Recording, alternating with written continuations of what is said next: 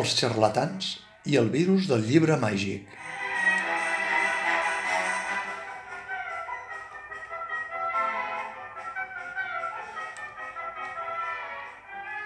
De virus n'hi ha de moltes menes, però si abans només es coneixien els que produïen infeccions corporals, ara són capaços de capgirar el món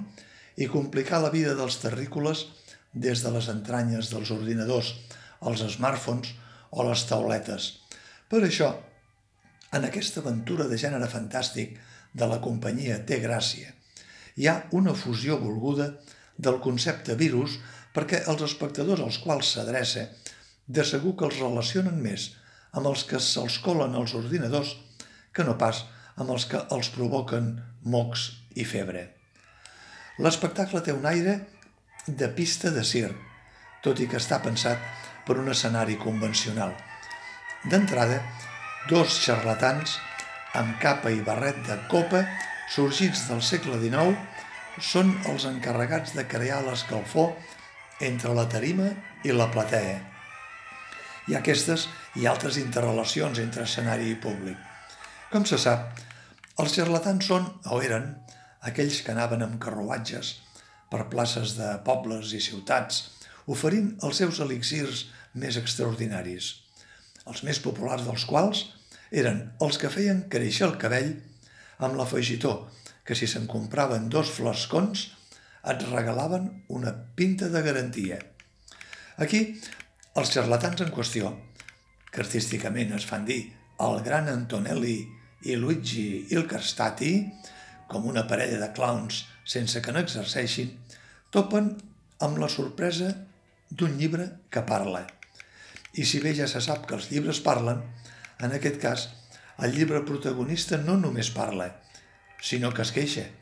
perquè té un virus estrany que el fa estar malalt i que de moment els xarlatans confonen amb un vulgar constipat. Serà després que s'adonaran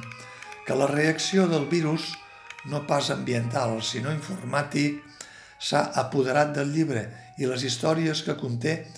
capgiren tots els personatges, fent-los moure i actuar com si estiguessin pitof. Un gat amb botes fora de compte, una caputxeta que parla al revés, un Dràcula que confon la malmelada amb la sang. Amanit amb una banda sonora o musical original, l'espectacle té un atractiu escenogràfic que es converteix en protagonista.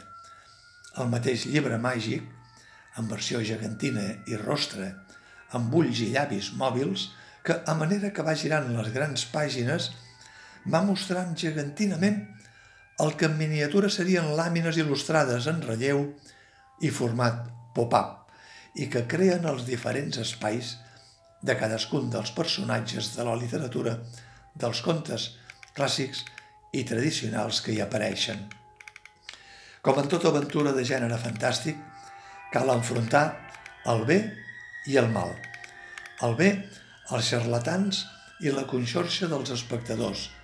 sempre a punt de distingir en quin costat s'han de posar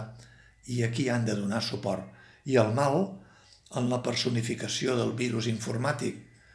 un virus femella més aviat, un personatge psicodèlic que en titelles o teatre clàssic seria el dimoni de sempre revestit de mil maneres i condemnat a perdedor etern. Un vestuari primirat, una escenografia de conjunt molt treballada i efectista i una il·luminació suggerent acompanyen un guió que no s'entreté gens fins a arribar als 60 minuts de la trama, que inclou alguns moments d'humor i que dosifica les intervencions musicals, també de creació original, un dels actius de l'espectacle, amb un repartiment que compta amb l'experiència d'una companyia veterana i uns intèrprets que s'han pelat els genolls treballant en altres muntatges musicals de considerable ressò.